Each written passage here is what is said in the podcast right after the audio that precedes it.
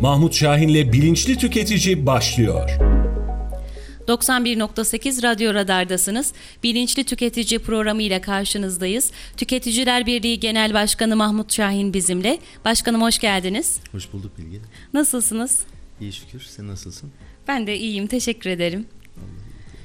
Ee, soru ve görüşleriniz için Kayseri Radar sayfamızdan 0300 e, Kayseri Radar sayfamızdan mesaj gönderebilirsiniz. 0352 336 2598 0352 336 2598 WhatsApp üzerinden soru ve görüşlerinizi de iletebilirsiniz diyelim. Ee, bugün otopark otoparkta yaşanan e, işte aracımızı mesela bıraktık otoparka. E, aracımızın başına ya da içindeki eşyalarımızın başına bir şey geldi. Bundan kim sorumludur? Bu soruyla başlayalım. Evet. E, yani Türkiye'de aslında e, milyonlarca araç var e, ve her gün e, milyonlarca araç bir yerlere park ediliyor. Bu AVM'lerin park yerleri olabilir, özel otoparklar olabilir ya da e, kamunun denetimindeki parklar olabilir. Buralarda araçların e, içinden bir şey çalınmasına gerek yok. E, yanaşırken işte araçlar çıkarken girerken de çarpmalar, arabaya sürtmeler vesaire oluyor ve araçlar zarar görüyor. Şimdi şu ana kadar hani ben e, yaşayanların anlatırken tanık olduğum, bize kimse şikayet etmiyor bu mevzuyu. Anlatırken tanık oluyorum. O tanıklıkta hani kişi diyor ki ya işte şu Atabark'tan çıkarken buraya diyor sürtmüş. Ha, ne yaptınız diyorum bununla ilgili bir hak arayışına girmediniz mi diyorum. Yo nasıl gireceğim ki diyor kime karşı çarpanın kim olduğunu bilmiyorum diyor. Nereden bulacağım? Evet. Ya da işte içinden camı kırmışlar, bir şey çalmışlar. Çantadır, kıymetli eşyadır ya da paradır. E, bununla ilgili de bir arayışa girilmemiş. Halbuki bakın genel mantık e, çerçevesinde biz aracımızı oraya emanet ediyoruz. Karşılığında da bir bedel ödüyoruz. Bu bedelin içerisinde aracın korunması da var, aracın içindekilerin korunması da var. Hatta araca zarar verenlerin tespit edilmesi de var. Biz o araca zarar verenlerin kim olduğunu, neler çaldıklarını, dolayısıyla polis tarafından yakalanmasını falan istemek zorunda değiliz aslında. Bizden önce o işletme eğer AVM ise AVM, otoparksa otopark bu suç duyurusunu, şikayeti yapıp kayıtları polislere, emniyet güçlerine vermeli ki failler yakalansın. Şimdi o, o takibi yapacak fakat hani bizim hakkımız ne olacak? Biz o kişinin yakalanmasını mı bekleyeceğiz? O kişi yakalanırsa, üzerine bir mal varlığı yoksa, ödeyemezse ne olacak? Yani bir çıkmaz oluyor aslında. Biz onu beklemek zorunda değiliz. Biz direkt AVM'nin kendisine ya da otopark işletmecisinden bu bedel alabiliriz. Çünkü şöyle hani diyelim ki orada kimin çaldığını tespit edecek kameralar yok. Ya da işte yakalanmamış, güvenlik yok vesaire. Bu zaten bir eksik hizmet. Bir kere bunu yapmadığı için ta baştan sorumlu tutuluyor otopark. Bak ta baştan sorumlu. Neden kameran yoksa, neden güvenlik sistemin yok, neden güvenliklerin yok, neden kontrol etmedin? Çünkü AVM'ye gidiyoruz, aracımızı bırakıyoruz, biz AVM'ye para kazandırıyoruz değil mi? Bu amaçla gittik. Yani biz onun müşterisiyiz. Ve bizim için otopark yaptığını söylüyor. Otoparkta diyor AVM'miz. Gelin, arabacınızı park edin ve güvenli, rahat rahat alışverişinizi yapın. İşte müziğin eşliğinde salına salına değil mi? O reyondan bu reyona, o mağazanın vitrinden e, bu Alışveriş mağazanın... yaptıran evet, müziklerle. Tabii, tabii ki kampanyalarla e, size mal satacağız. İhtiyacınız olmayan malı ihtiyacınızmış gibi gösterip satacağız çabasında bir satıcı var. Bu satıcı bizim aracımızın da bizim de bakın şahsımızın da güvenliğini sağlamakla sorumludur. Bunu sağlamazsa eğer kendisi bu zararı ödemek, karşılamak durumundadır. Dolayısıyla biz böyle bir zarara uğramışsak bakın e, otoparkların, paralı otoparklardan bahsediyorum, ücretli otoparklardan ve AVM'lerden ve kamu denetimindeki kurumlardan ki otoparklardan. Buralarda aracımıza bir zarar gelmişse bunun için e, aslında önce zararı e, bir kere tespit etmemiz lazım. Nasıl? Biz direkt ne yapıyoruz? Aracımızın kapısını açıyoruz, binip sürüp gidiyoruz değil mi? İşte bunu yapmayalım. Sadece 4 saniyemizi alır. Aracın etrafında bir tur atalım. Bir tavaf yapalım aracın etrafında. Bir gözle kontrol edelim. Çünkü eğer bir çarpma, bir sürtünme varsa, bir zedelenme e, varsa araçta görürüz zaten. Hemen orada ilgili kuruma, AVM'ye ya da otoparkın işletmecisine durumu bildirelim. Sonra fotoğraflayalım bunu. Sonra altına alalım. Gidelim. Bak yine gidin. E, araçla ilgili dışarıdan bir hasar varsa. Fakat camı kırılmış. Kapısı bir şekilde açılmış. Hani kapıyı açık bırakmak e, yani şu an hadi diyelim ki bırakıldı ama çoğunlukla zaten kapısı kilitli bile olsa bizim hırsızlarımız e, çok mahirdirler, yeteneklidirler. Kilitli kapıyı bile açabiliyorlar. Açıp içinde bir eşya görmüşlerse alıyorlar. Bunu fark ettiğimiz zaman da yine aynı şekilde müracaatımızı yapalım oraya. Bir tutanak tutturalım. Tutanak tutulsun. Yani biz şikayet bildirimde bulunduk. Daha sonra bu hakkımızı biz miktarına göre o çalınan eşyamızın ya da aracımızın zararının miktarına göre ya 11.330 liraya kadar tüketici hakemiyetine ya da 11.330 lira ve üzerinde ise tüketici mahkemesine şikayette bulunalım. Ve o işletmeden isteyelim. Otopark ücretini de kaybetmeyelim. Yani o fiş alıyoruz ya. O fişi hani biz e, ya bu, burada şunu hatırlatayım çünkü hakikaten çok önemli ama kimse bunun farkında değil. Evrak saklamak. Biz o AVM'de zarar gördük. Fakat AVM'nin ya da işte AVM'deki bir alışveriş e, fişinin ya da otoparktaki ödediğimiz ücretin fişini hemen atıyoruz ya, buruşturup atıyoruz ya. Evet. Daha sonra şikayette bulunduğumuzda bizim o otoparka girdiğimizi nasıl ispat edeceğiz biz? Görüntüler de onun elinde, kamera kayıtları. Göndermezse biz ispat edemeyeceğiz değil mi? Ama bakın bizim giriş çıkış saatimiz belli, ödediğimiz ücret belli. Hasarı da görmüşsek o fişi, o makbuzu her ne vermişlerse hemen saklayalım. Onu itinayla bir dosyanın içerisine koyalım hatta güneşte durmasın, sararıp solmasın. Ve onunla beraber müracaat edelim. Bakın biz şu tarihte şu AVM'ye, şu otoparka girdik. Aracımızda zarar gördü. Suda tutanağımız diye bunu belirtirsek hakem heyeti ya da tüketici mahkemesi bizim yanımızda olur. Evet bu araç bu otoparktan hizmet almış. Parasını ödemiş ve oraya bırakmış. Fakat sizin oradayken araç zarar görmüş. Ya bir araç çarpmış ya da içinden bir şey çalınmış. Otopark işletmecisi ya da AVM bana ne beni ilgilendirmez diyemez. Ee, hani hala şey şehirler arası otobüs e, dinlenme mola yerlerinde hala yazar ya da muavin söyler. E, lütfen kıymetli eşyalarınızı yanında götürünüz. Sorumluluk kabul etmeyiz diye. Ya da yazar oralarda hala. Evet. E, bunların hiçbir anlamı yok. Biliyor musun? Hiçbir geçerliliği yok. Onlar sorumlu değil mi? Tabii onlar sonra otoparklarda da yazıyor bu. İşte e, çalınan eşyalarınızdan biz mesul değiliz. Nereye mesul değilsin? O zaman benden para alamazsın. Niye para alıyorsun benden? Ya niye para alıyorsun benden? Düşünsene yani. Şimdi biz bir eve oturuyoruz. Evin damından ben sorumlu değilim diyebilir mi ev sahibi? Damı yok, çatısı yok, penceresi yok. Bana ne ben sorumlu değilim diyemez. Tam tekmil verir, bedelini alır. Otoparklarda da kirasını alıyorsa aracın giriş çıkış saatine göre alıyorsa bunun karşılığı olarak bütün sorumluluk ondadır ve araç bir zarar görmüşse içinden bir eşya çalınmışsa bunun bedelini o otopark işletmecisi ve AVM öder. Bu çok net. Tüketicilerimiz bunu bilsinler. Buna göre haklarını arasınlar. O fişleri, makbuzları lütfen atmasınlar. Şimdi tüm sorumluluk otopark ya da AVM sahibinde. Evet. Ee, diyelim ki yakalandı o kişi. Şey yakalanmadı. Otopark sahibi bunu e, kameralardan yine tespit etti. Ee, ücreti mağdur olana verdi. Otopark sahibinin bundan sonra ne yapacak? O kişiden o şikayetçi olacak. Takip o yapacak. Yani o çalandan, e, o hırsızdan ya da araca zarar verip diyelim ki başka bir araçla çıkarken ona çarptı. Ya da park ederken çarptı. Bunu tespit edip plakasını belirleyip o görüntülerle davayı açacak o zaten. AVM ya da otopark kendisi o davacı olacak ondan. Aracı ödemiş olduğu bedeli, tüketici ödemiş olduğu bedeli ondan tahsil edecek.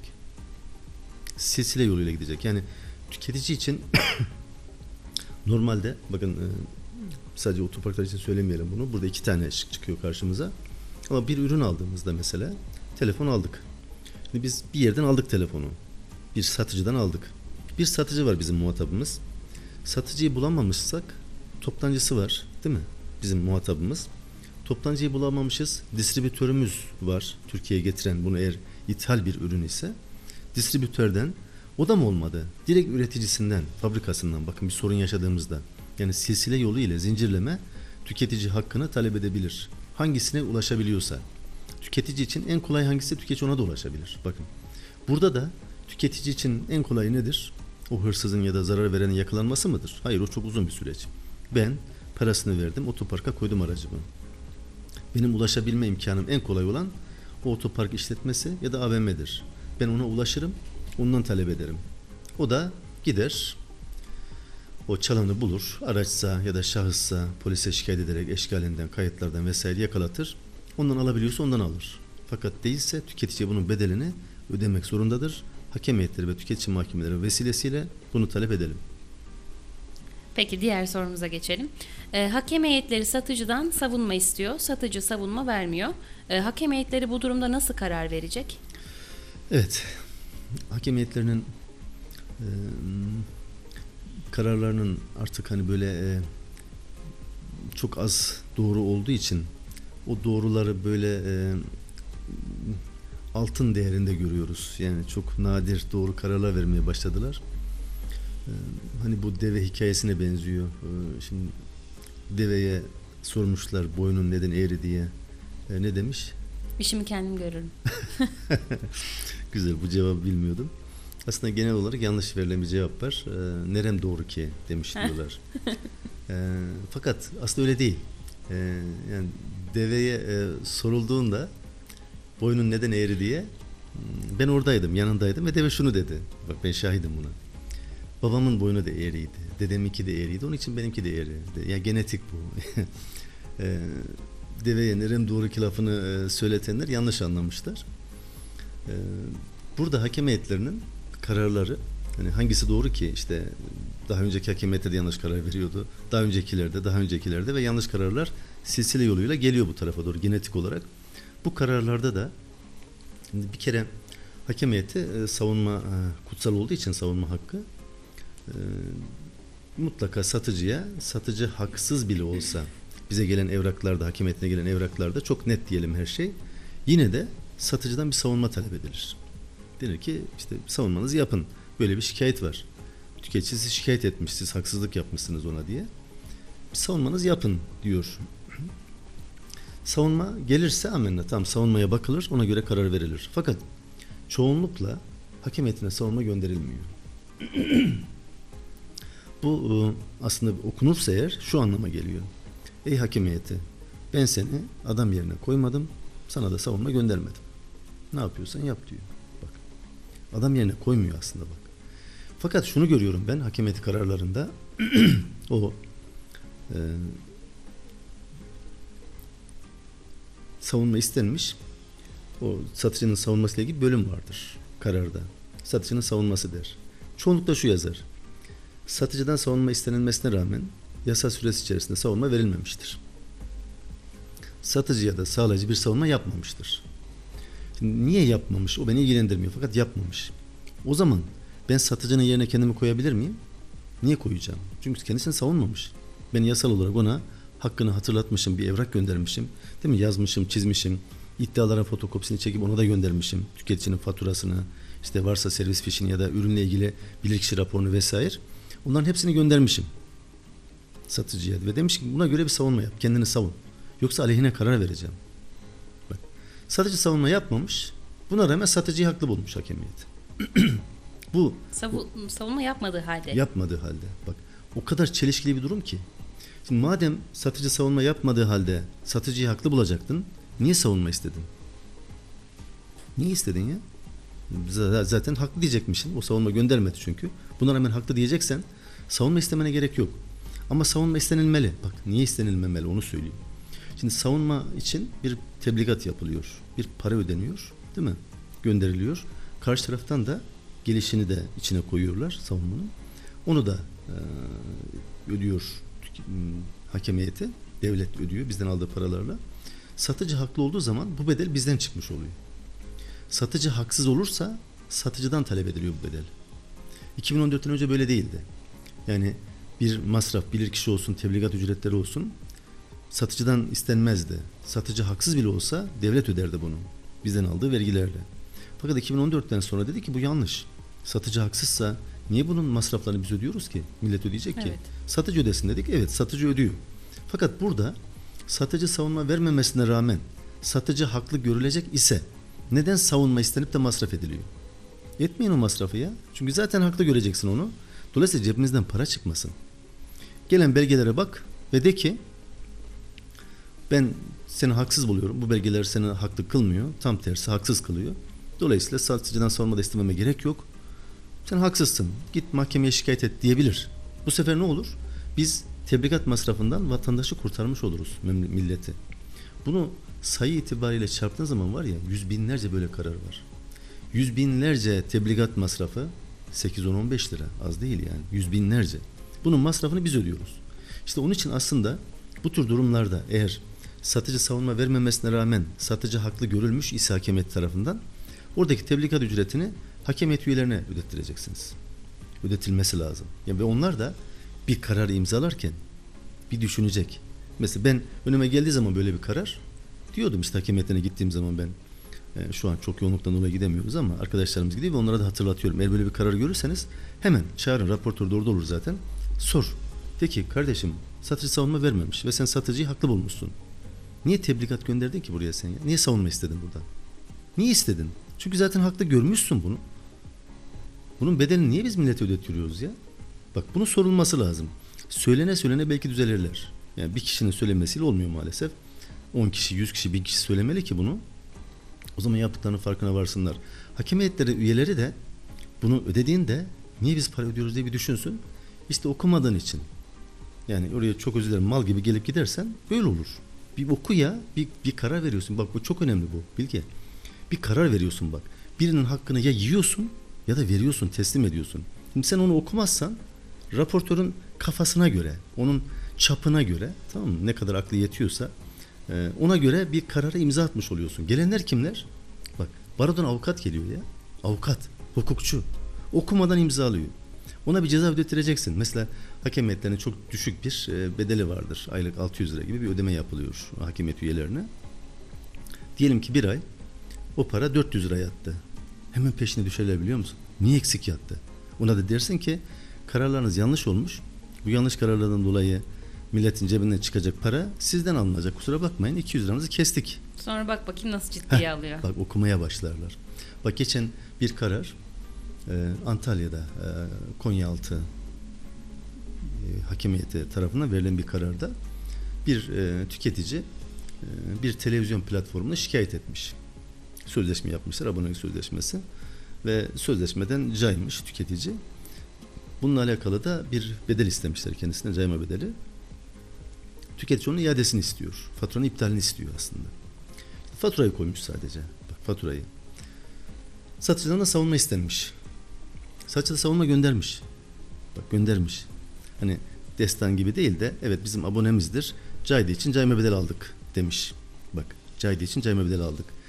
Şimdi verilen karar ne biliyor musun?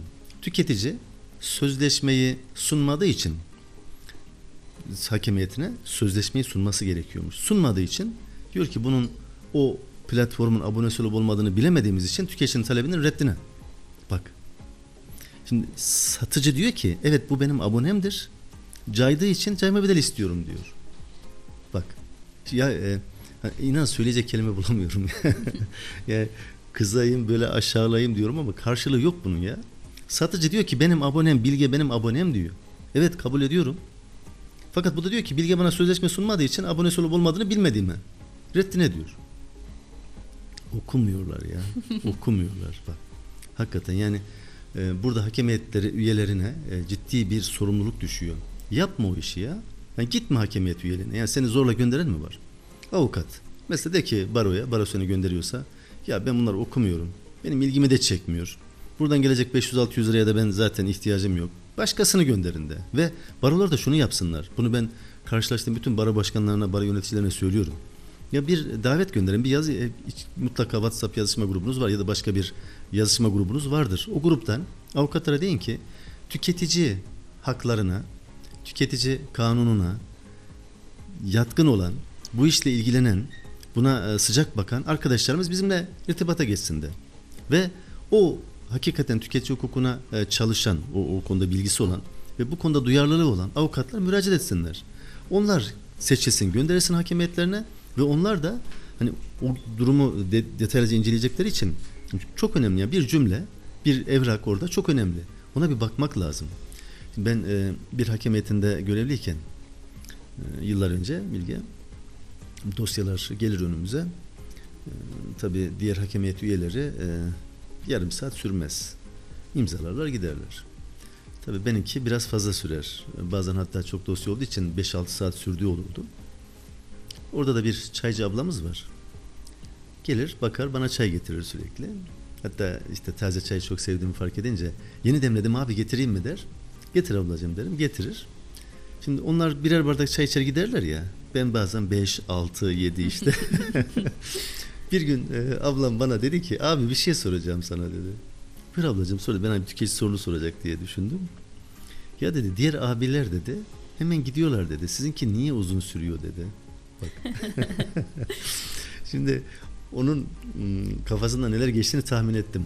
Ona ben bunu izah edip de onları eleştirme noktasına düşmek istemediğim için güldüm. Dedim ki ablacığım onlar çok zeki insanlar. Benim kafam kalın. Ben zor anlıyorum. Onlar hemen anlıyorlar. imzalayıp gidiyorlar. Yok estağfurullah dedim. Öyle demek istemedim falan. E ben okuyorum ya dedim. Geç anladığım için uzun sürüyor. Ama çay getirmek sana zahmet veriyorsa dedim getirmeyebilirsin. Olur mu abi dedi ben getiririm sana daha çok. Ondan sonra daha çok getirmeye başladı çay. Şimdi hakem heyetlerinde uygulama böyle. Bakın gelen kişi kararı imzalıyor gidiyor. İmzalıyor gidiyor. Şimdi eğer bak raportöre güvene güvenir tanımıyor ki raportör güvensin. Raportörün bilgisinin ne olduğunu bilmiyor. Velev ki bilgisine güveniyorsun. Ya ben imza atıyorum oraya. Bak beni bağlayan bir şey var. Ben o karara katılıyorum. Diyorum ki evet karar budur. Ben bunu savunuyorum. Fakat okumadığım bir kararı imzalıyorum. Bu ne kadar mantıklı? Bir avukata yakışır mı bu? Yakışmaz. Gitmeyin diyorum ya. Gitmeyin. Ticaret odasından gelen temsilci. Ya okumuyor ya. Bak orada da aslında o satıcıyı savunacak. Orada bir denge de aslında kuruluyor hakem heyetlerinde. Bir satıcı var, bir de tüketici var karşılıklı. Ticaret odasına gelen satıcıyı savunur. Tüketici temsilcisi tüketiciyi savunur. Diğer denge unsurları da nedir? Ee, belediyeden gelen temsilciyle barodan gelen temsilci.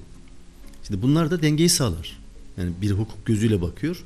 Biri belediyeden gelen hukukçu genelde. Ee, bir de yaz işleri müdürü var zaten. Eğer eşitlik olursa onun oyu bozuyor olayı. Burada bir avukatın, bir ticaret odası temsilcisinin, bir belediye temsilcisinin ya bir kararı okumadan imzalaması ne kadar acı bir şey ya. Eğer mahkemelerimizde böyleyse Allah muhafaza yani şimdi düşünsene. yani bir sürü insanın hakkı yeniyor. İşte evet. adalete güven olmadığı zaman gerisi zaten hiç düşünülmeye gelmez. O anlamda e, burada hakem heyetlerinin e, savunma vermeyen satıcıyı haklı bulması durumunda o tebligat masraflarının kesinlikle hakem heyet üyelerine ödettirilmesi lazım. Çözüm bu. Ben bunu ısrarla yıllardır savunuyorum. Şimdi değerli takipçilerimiz e, mesaj gönderiyorsunuz. Benim plazmam çalındı yazmış galiba bir hanımefendi. Nerede çalındı, ne zaman çalındı, çalındı bir yere başvurdunuz mu? Bunu biraz daha detaylandırarak yazarsak e, daha sağlıklı sonuçlar alabiliriz. Diyelim biz de bir sonraki... E, otoparkla ilgili olabilir belki. Aha, evet Eşya, plazmam evet, çalındı araçtan, yazmış. Araçtan çalındıysa eğer e, yani bunun görüntüleri illaki vardır. Yoksa zaten direkt tüketici haklıdır bakın. Yoksa. Şimdi eğer o araçtan ki benim kamera sistemim yok dediği zaman sonra bulamadılar da yazmış. Aradılar bulamadılar çalanı. İşte nerede çalındığını yazmadığı için tamam, ben işte bak, şey ne, o eğer AVM'de ya da e, otoparkta çalınmışsa direkt oraya şikayet edebilir. Faturasıyla, fişiyle, görüntülerini isteyerek onu sunmak zorunda bakın AVM o görüntüleri. Yani aracın oraya park ettiğinden çıkışına kadar görüntüyü sunacak ve diyecek ki bakın araç dakika dakika takip edin diyecek. Emniyet de takip eder onu. Hiçbir şekilde buraya bir geliş olmamış, kapı açılmamış, çalınmamış. Hatta buraya televizyon yüklenmemiş. İşte plazma televizyon arabaya yüklenmemiş. Dolayısıyla nasıl çalınacak? Ama bakın vatandaş oraya yüklemişse, arabasından koymuşsa kamera görüntüsü devam etmeli orada. O tam yüklendiği arabaya konduğu görülmeli. Akabinde vatandaş binip gidene kadar da o görüntü orada durmalı ki bak bir şekilde çalınmamış deyip vatandaşın şikayeti geçersiz olsun. Hı hı. Ama orada çalınmışsa kişinin yakalanıp yakalanmaması o vatandaşımızı ilgilendirmez.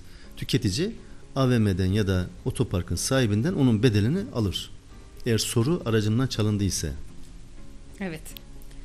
Ee, şimdi son dönemlerde çok fazla etiket değişimi yapılıyor. Oh, evet, evet. e, raftaki fiyatla kasadaki fiyat birbirini tutmuyor. İki fiyat farklı olunca ne olacak? Ne yapacağız? Evet, yazı tura atacağız.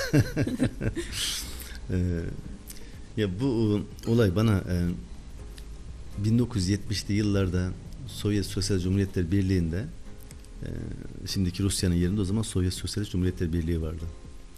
E, orada yaşanan bir olayı hatırlatıyor. Ben bunu gazeteci Mehmet Barlas'tan dinlemiştim. Çok hoşuma gitmişti. Diyor ki 1970'li yıllarda bir Sovyet sosyalist vatandaş evine telefon çektirmek için telefon idaresine gidiyor. Varıyor ben evime telefon çektireceğim diyor. Telefon için işte gerekli evrakları istiyorlar. Kimliği, işte belki adres kaydı, başka bir şey varsa sabıka kaydı vesaire ne istiyorlarsa. Sonra şuraya git şunu imzala, şuraya gel şunu getir, işte para yatır. Bütün işlemleri yapıyor vatandaş ve sonra bunun eline bir kağıt veriyorlar. Ve diyorlar ki telefonun 4 sene 8 ay 19 gün sonra bağlanacak. Şimdi e, tabii tarih uzun bir tarih. 4 sene, 8 ay, 19 gün Telefonu sonra bağlanacak. evet, telefonu bağlanacak. Tabii eskiden Türkiye'de de böyleydi aslında. Yani sizin sizin nesil bunu bilmez. Evet evet anlattıklarında ben evet, şok oldum. Evet, e, yıllar sürerdi bir telefonun çıkması. Şimdi sabah müracaat eden öğleden sonra bağlanıyor. Ya da cep telefonu alıyorsunuz bir dakika sonra açılıyor yani düşünün. Gelişmişlik böyle işte. O zaman öyle değildi ve bu normaldi. Telefona yazıldığınızda birkaç sene süreceğini bilirdiniz. Yani beklentiniz olmazdı. İşte Soya Sosyalist Cumhuriyetler Birliği'nde de böyleymiş. Ve 4 sene 8 ay 19 gün sonra telefonunuz bağlanacak demişler. Kağıdı vermişler. Vatandaş çıkmış dışarıya. Biraz sonra kapı vurulmuş. İçerideki memur e, gir demiş. Demek ki vatandaş kafasını uzatmış böyle utana sıkıla. Ben biraz önce gelmiştim ya. Evet. İşte telefonunuz 4 sene 8 ay 19 gün sonra bağlanacak demiştiniz ya. Evet. 4 sene 8 ay 19 gün sonra öğleden önce mi bağlayacaksınız öğleden sonra mı bağlayacaksınız? Şimdi e, bakın Türkiye'nin şu anda yaşadığı şey aslında bu fiyatlar konusunda tam da bu. Ya e, artık marketler etiket görevlisi almaya başladı işe. Etiket görevlisi. Reyon görevlisi olayını daha önce konuşmuştuk seninle. Hı hı. Yani reyonları oradaki çalışanlar dizmezler ürünleri o, o raflara. Onun profesyonel ekibi var. Parayla gelirler dizerler o ürünleri. Evet üzerinde o markalı Tabii. kıyafetlerle. Ee, evet. e, ürünlerin e, ambalajına göre, rengine göre ışıkları bile ayarlarlar. Yani seviyelerini belirlerler. İşte hangi yaş grubuna hitap ediyorsa o yaş grubunun boyuna e, göre ya da açısını ona göre ayarlarlar. Kutunun hangi tarafının gözükmesi gerektiğine dair çapraz koyarlar, yan koyarlar, dik koyarlar vesaire. Bunlar hep profesyonel tasarımcılar tarafından yapılır. Ve e, market onlara bir bedel öder. Onlar dizerler giderler. Sonraki dizilişler de bu şekilde devam eder. Fakat şimdi yeni bir meslek grubu çıktı. Bakın etiket görevlisi. Önceden bir ürüne etiket vurulurdu. Belki ayda bir ya da iki ayda bir, üç ayda bir, belki altı ayda bir değişirdi fiyatlar. Şimdi günde birkaç kez fiyatların değiştiğine şahit oluyoruz. Evet. Mesela ben e, desem ki sana Bilge bana bir çikolata al e, kaç lira vereyim bedelini de al bugün desem sen bana diyeceksin ki öğleden önce mi sonra mı? Çünkü öğleden önce 3 liraysa öğleden sonra 3,5 lira oluyor. Bak. Yani fiyatlar böyle anormal bir değişiklik gösteriyor.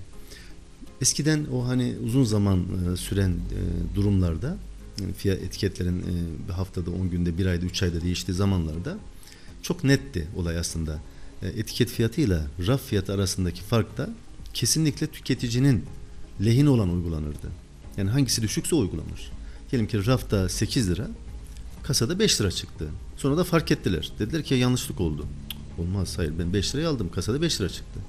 5 lira benim. Kasada 5 lira ve rafta diyelim ki 4 lira. Yani kasadaki daha fazla. 5 lira istediler. Hayır. Bak rafta 4 lira. Yani tüketicinin lehine olan hangisi ise ben onu talep ederim. Tüketiciye onu uygulamak zorundasınız. Yanlışlık olmuş, sehven olmuş. Hayır beni ilgilendirmiyor. Yapılmayacaktı o. O sehven olay yapılmayacaktı. Yapılmışsa tüketicinin lehine olan uygulanır. Tüketici de bu hakkını alır. Bak geçen bir karar geldi mesela keşke yanımda getirseydim. Ee, bir e, marketten bir ürün alınıyor. 4,5 lira 5 lira 60 kuruş. 4 lira 50 kuruş 5 lira 60 kuruş. Rafta 4 lira 50 kuruş yazıyor. Kasada 5 lira 60 kuruş çıkıyor. Yani 1 lira 10 kuruş fazla çıkıyor kasada. Tüketici talep ediyor bunu. Diyor ki bak rafta bu fiyat var. Kasada bu çıktı. İşte oradakini değiştirmeyi unutmuşuz. Bak. E, Onu beni, beni ilgilendirmiyor unutmanız. Yani bu orada duruyor. Ben onu gördüm aldım. Yani o fiyatı gördüğüm için aldım. 5 lira 60 kuruş görsem almazdım. 4 lira 50 kuruşu gördüğüm için aldım ben. Dolayısıyla vereceksiniz. Hayır vermeyeceğiz demişler. Orayı düzeltmişler. Fakat düzeltmeden önce vatandaş fotoğrafını çekmiş. Bak hemen e, bütün telefonlarda fotoğraf çekiliyor artık.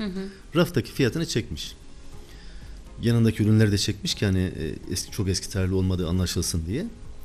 Birkaç fotoğraf çekmiş. Sonra fiş de zaten hakemetine başvuruyor.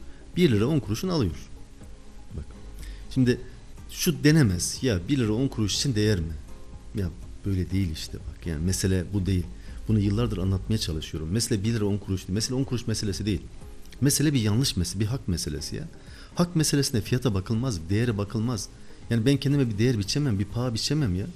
Yani benim değerim, benim hak arama değerim işte bin liradan sonra başlar. Ha demek ki beni 1000 liradan sonraya rahatlıkla satın alabilirsiniz. Benim bir değerim var. Ederim. Olur mu öyle şey ya? Ya ben zenginim. 10 bin liradan sonra başlar. Ben biraz düşük gelirliyim. 1000 liradan sonra başlar. Daha düşük gelirliyim. işte 10 liradan sonra başlar. 10 liraya kadar hak aramam. Yanlış. Ya burada bir haksızlık var. Ve burada bir fırsatçılık da var aslında. Yani onlar hani gerçekten sehven mi yapılıyor? Yani bilemiyoruz. Çünkü o kadar çok ki, o kadar çok ki bu. Yani kasayla raf konusu zaten artık e, biliyorsunuz o makinalarla bir entegrasyon var. Otomatik belirleniyor. Ha, bile yapılıyorsa değişiklik varsa burada bir kasıt aramak lazım. Bilerek yapılıyor bu. Yani market orada o fiyatı düşük gösterip cazip gösterip tüketiciye satmak için o fiyatın düşük olmasını sağlıyor rafta ama kasada nasıl olsa fark edilmez. Çünkü insanlarımızda böyle bir şey var maalesef. Evet. Arabaya dolduruyoruz. Fişe kimse bakmıyor. Hiç kimse bakmıyor. Tıkır tıkır atıyoruz. Tamam şeye. Onda poşet derdine düşüyoruz zaten. Poşeti nasıl yükleyeceğiz falan. Sonra bize deniyor ki işte 186 lira 50 kuruş. Ya kartımızı uzatıyoruz ya 200 lira veriyoruz. Ödemeyi yapıyoruz bak. Şimdi halbuki o kontrolün yapılması lazım. Hani bunun için de alışverişlerde hani eğer birkaç tane alışveriş yapıyorsak zaten birkaç parça kolaydır takibe. Ama çok fazla alışveriş yapıyorsak ya bir kağıda yazabiliriz bunu. Bir not hani listeyle alışveriş yapmak dedik ya. Aslında en bilinçlisi, en mantıklısı o. Listeyle alışveriş yapacaksınız. Bu aile bütçesine de katkı. Yani ülke bütçesine de katkı. Lüzumsuz har vurup harman savurup attığınız zaman çöpe ya ülke ekonomisine bile zarar veriyor aslında. Lüzumsuz harcama yapılıyor. İhtiyaç ona göre belirleniyor. Tüke- tü- talep fazla olduğu için üretim de ona göre belirleniyor. Şimdi ben lüzumsuz ürün aldığım zaman o ürünün üreticisi ha satıyor. Sattığına göre de ürettiği için üretim devam ediyor. Halbuki düşük alsak o az üretecek bak. Az ürettiği zaman aslında onu o da zarar etmeyecek. Ülke kaynakları da boşu boşuna kullanılmayacak. Ne kadar çok büyük bir e, sıkıntıya ulaştığımızı biz bilmiyoruz. Bak hiç hesap etmiyoruz. O ürünlerin fiyatlarını rafta gördük, yazdık buraya. Yani liste yapmıştık zaten. Tamam ne aldık? Bisküvi kaç lira? 6 lira. İşte pirinç kaç lira? 40 lira. Ne kadar aldıysak işte. Kasaya geldiğimizde zaten iki tane orada kasanın üzerinde gözüküyor fiyatlar. Eğer farklı bir fiyat görürsek bir dakika deriz. Bak ben aldım şimdi rafta 60 lira yazıyor. Sen buraya yazdın 64 lira. Yok yanlıştır o buradaki doğru. Yani niye buradaki doğru yani? Asıl ben orada görüyorum. O doğru olması lazım. Benim gördüğüm doğru. Senin kasandakini ben nasıl göreyim? Herkes gelip kasaya bakmak zorunda mı? Ben onu görüyorum, onu bilirim. Ona göre aldım ben. Ve o bunu belgeleyip bir fotoğraf, sadece bunu yapacağız. Bir fotoğraf çekeceğiz. O fotoğrafı da çıktısını alıp hakemetine sunacağız. Onun bedelini alacağız. Bakın. Şimdi şunu demeyelim ya. Bunun için bu kadar uğraşmaya değmez. Onu dediğimiz zaman var ya bakın e, aslında satıcılara, o üçkağıtçılara öyle bir prim veriyoruz ki yani kimse itiraz etmiyor, kimse hakkını aramıyor. Bunu e, daha önce anlatmış olabilirim ama e, önemli. Bir bankanın bölge müdürüyle e, görüşmüştüm. O bankalardan alınan dosya ücretleri var ya, dosya masrafları, kredi kartı aidatları falan. Onunla alakalı çok yoğun mücadele ettiğimiz zamanlar ve tüketiciler sürekli o haksız alınan bedelleri geri alıyorlar.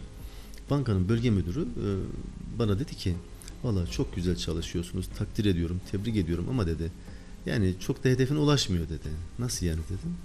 Ya dedi 100 kişiden alınan dosya ücretini dedi bizden isteyen geri 8-10 kişi dedi. Yani 90-92 kişi bu hakkı istemiyor. Bak Türkiye'de oran. Şu an belki bizim çok yoğun gayretlerimiz sonucu %15 olmuştur. 15 bak. Ama %85 hala hakkını aramıyor, istemiyor. Bunun sebepleri olabilir. Bunlar sosyal olarak analiz edilebilir. İşte hak arama bilincinin olmaması denebilir. Korku denebilir. Kuyruğu dik tutma ya onunla kim uğraşacak deme. Hukuka güvenmeme olabilir. Bakın bir sürü sebebi sayılabilir bunun. 4, 5, 6 sebep sayılabilir. Fakat bunların ortadan kalkması ve hak arayışının artması için işte bilgi ile bilinçli tüketici programının artması lazım. o anlamda da biz e, bu raf konusunda eğer raf ve etiket fiyatları e, kasadakinden farklı çıkıyorsa bizim lehimize olanı tercih edeceğiz. Hangisi bizim lehimize? Düşük olan. Biz onu alacağız. Kasada düşükse kasadaki, raftaki düşükse raftaki. Bunun için sadece belgeleyeceğiz o kadar. Başka yapacak hiçbir şey yok. Bu üç harfli mağazalarda çalışan bir tane arkadaşım var. Yanına ziyarete gittim. Ee, böyle kıl bir adam geldi. Böyle eşyalarına böyle bir sürü de alışveriş yaptı. Geçirdi aldıklarını kasadan. Sonra adam durdu. 5 dakika fişe baktı. Aldıklarına baktı, fişe baktı, kontrol etti. etti. Ama hani kimse durmaz ya. Ben şaşırdım böyle çok garip. Ne cins bir adam bu dedim yani. Fişi inceliyor falan. Bu dedi şey hatırlamıyorum o dönem pazarlama müdürümüz, satış müdürümüz mü öyle bir şey söyledi. Aa, kendi denetime Evet. gelmiş. Çok güzel. Evet. Bak otokontrol. Ne kadar güzel. Bu aslında güven verir biliyor musun? Yani bir firmanın kendi kendisini kontrol etmesi bir sıkıntı var mı? O, o ıı, mağazanın tüketiciye daha düzgün hizmet vermesini sağlar. Keşke bunu hep yapsalar. Ama bu yapılmıyor ki. Ben görüyorum mesela bazı AV marketlerde bir şey alıyorum. Ben bu tepkiyi çok yaptım. Ee, bazen e, hani kalabalık olduğunda e, oraya 8-10 tane kasa koyuyorlar. Bir gösteriş bu değil mi? Benim 8-10 tane kasam var. Fakat iki tanesi çalışıyor. Evet. 8 tanesi niye çalışmıyor? Ve vatandaş da orada sabırla kuyrukta bekliyor ya.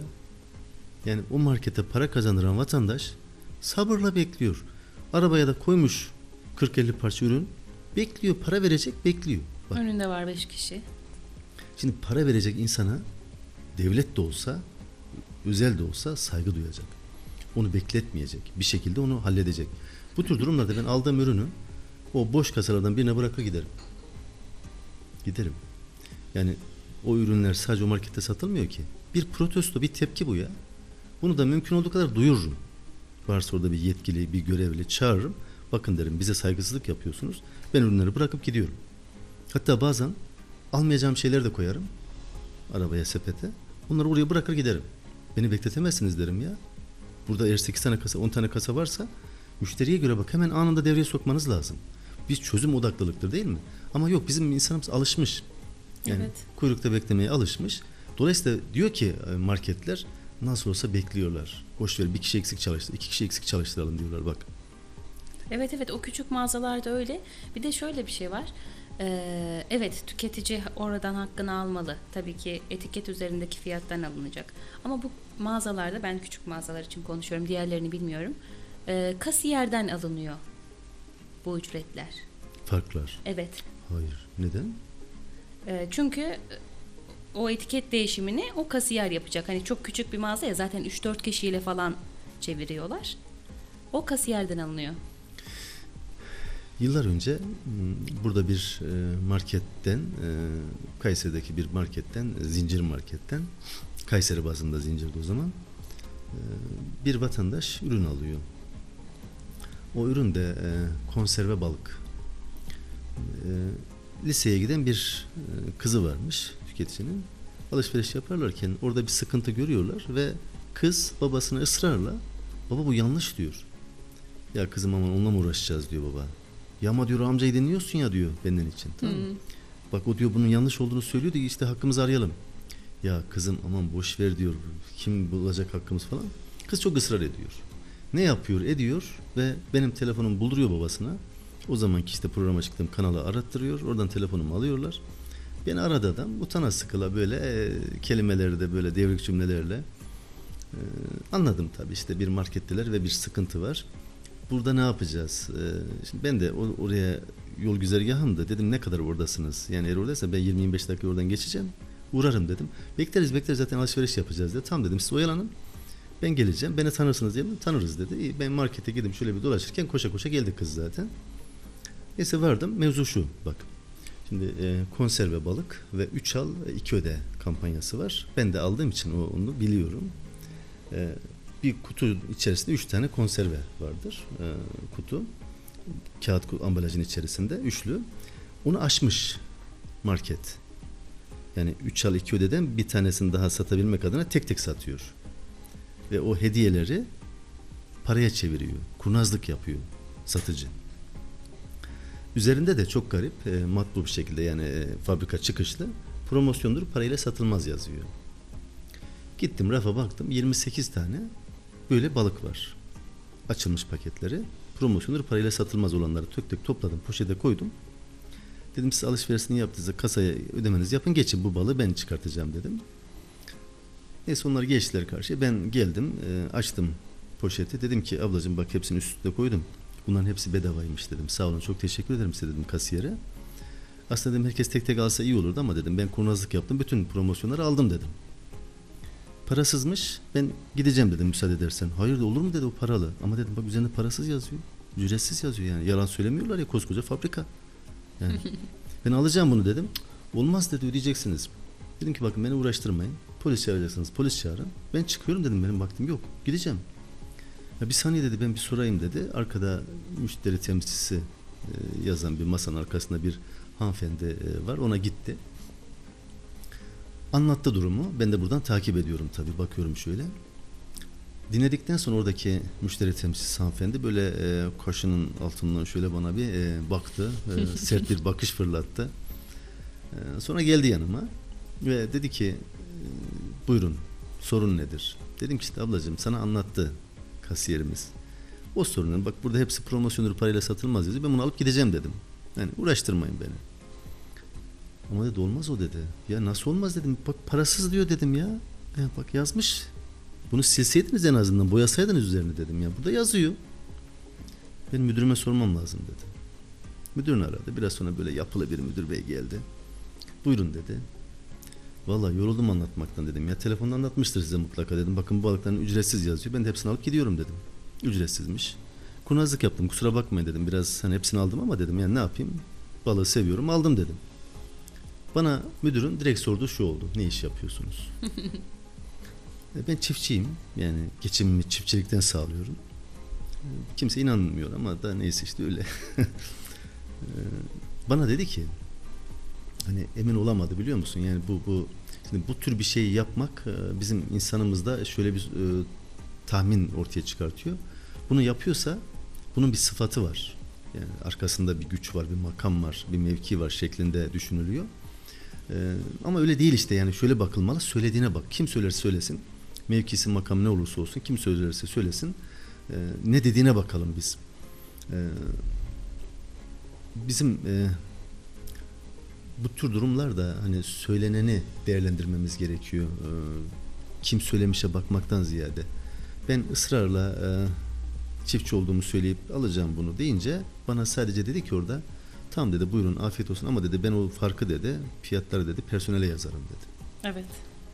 Şimdi ben orada dedim ki sesimi biraz daha yükselterek personel de şimdi geldi dinliyor herkes. Yani ortalık bir hani ciddi bir şey var şeklinde bir karmaşa. Müşteriler de oradaki müşteriler de etrafımızı sardılar dinliyorlar. Dedim ki bakın bir personel siz talimat vermeden bunu yapamaz. Personel niye bunu söksün dedim ya bu kutuyu niye bozsun? Siz dediniz boz o da bozdu. Niye personel yazıyorsun? Yazıyorsan kendine yaz dedim. Döndüm personel dedim ki eğer yazarsa bana söyleyin dedim. Ben onu da alırım bu beyefendiden dedim. Tamam dedim ben gidiyorum dedim. Buyurun afiyet olsun dedi. Geçtim o balıkların hepsini o kıza verdim. Dedim aferin yeğenim böyle ol. afiyet olsun. Zekan daha da artsın ye. Bak. Şimdi bu e, firmalarda zaten işçiye yüklenmek en kolayıdır. Yani kim üstteyse alttakini ezmeye çalışır. Bir de bununla sizi korkutuyor. Evet tabii canım korkutuyor. Bizde ezmek niyeyse bir gelenek haline gelmiş. Bizim toplumumuzun hani yere göğe sığdıramayız Türklük şöyledir böyledir ama yani uygulamalara baktığımızda çok saçma sapan işler var. Yani asker ocağı mesela kutsal deriz değil mi? Yani peygamber ocağı deriz. Ya dört ay önce giden asker dört ay sonra gelen acem askeri ezer, döver, eziyet eder. Şuna bak ya. Ya bu şimdi insanlık mı bu? Ne ırk olursan ol insanlık değil bu. Yani yeni gelene eziyet etmek işte orada da makam mevki olarak. Şimdi aşıda bile ya PCR testinde bile memura o kadar baskı yapılamıyor ama işçiye seni işten atarım diyor. Bak Evet. yani bu baskıya bak. Gücü gücü yetene. İşçi de eziliyor. İşte burada da çalışan işçiye bunu sana yazarım. Niye ona yazıyorsun? Sen etiketlendirme işinde verdiysen ona bir e, done ona göre yapar o. Ha sen yanlış yapıyorsan ki sistem itibariyle yanlış yapmışsan o mağazadan gider. Niye işçiden gidiyor? İşçinin suçu kabahatine. İşte orada tabii işçinin de bir örgütlenmesi lazım, haklarını araması lazım ama bu yanlışların da kanunen netleşmesi lazım. O, o entegrasyonun ciddi anlamda sağlanması gerekiyorsa oradan direkt okuma yapılması yani farklı farklı yükleme değil de yani raftaki neyse otomatik olarak kasada da onun okutulması e, gerekmekte. Yani farklı çıkması demek ki bilerek yapılıyor bu. Yani oradaki farklı buradaki farklıysa mağazanın lehine oluyor. Nedense düşük çıktığına da ben şahit olmadım ha. Yani rafta 5 lira kasada 4 lira çıkmadı hiç. Ben oldum. Kasadan geçtiği için artık vermek zorunda kaldılar. Ama suratları görmeniz lazımdı. Düşük mü çıktı? evet düşük çıktı. Ya biz bunu şu an şey yapamıyoruz ama falan yaptı. Kasadan geçtik o zaman verelim dedi. Ve böyle kaldı yani. Ha, bak dünyada bir ilk olmuşsun. o anı kayıt altına alsaydım. Ben de şaşırdım yani. İlginç. Şeyde öyle değildi. Kasaya geçtim. Çok hani çok ucuz bir rakam çıktı. Çok mutlu oldum ama sonuç Güzel, olarak. güzel. Son sorumuzla tamamlayalım. Hı hı. E, merhaba, iki markette aynı ürün arasında 13 lira fiyat farkı var. İki mağazadan da ürünleri aldım, fişleri de var. Bu konuda nasıl bir şikayette bulunabilirim? E, üründe iki mağazada herhangi bir kampanya bulunmamakta özellikle dikkat ettim. İki markette zincir market.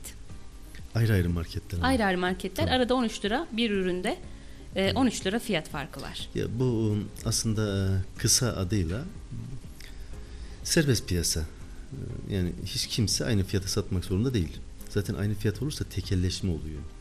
Hatta bak e, rekabet kurumu var Türkiye'de. Rekabet kurumu fiyatları fixleyen, e, aynı hizmeti e, aynı fiyata veren firmalara ceza keser. Aranızda nasıl böyle bir fiyat birlikteliği sağladınız diye tabii. Yani bu rekabet tüketicinin lehine kullanılmalı. Tüketicinin aleyhine kullanılıyorsa onun cezası var. O da nedir? Fiyat birlikteliği yapmak. Mesela o marketler anlaşsa diyelim ki pirincin kilosunu 20 lira diyelim işte. 20 lira yaptılar. Hepsinde 20 lira. Yani nasıl oluyor bu? Birinin 18'i satması lazım. Çünkü rekabette daha düşüğe satma, daha çok alan daha uygun almıştır. Stoklamıştır. Ne bileyim başka bir firmadan almıştır vesaire. Yurt dışından getirmiştir eğer ucuzsa. Yani daha ucuza satması lazım. Satar daha ucuza ve bunu engelleyemezsiniz. Ama aralarında anlaşıyorlar büyük firmalar ki daha önce otobüs firmalarına ceza kesildi, bankalara ceza kesildi.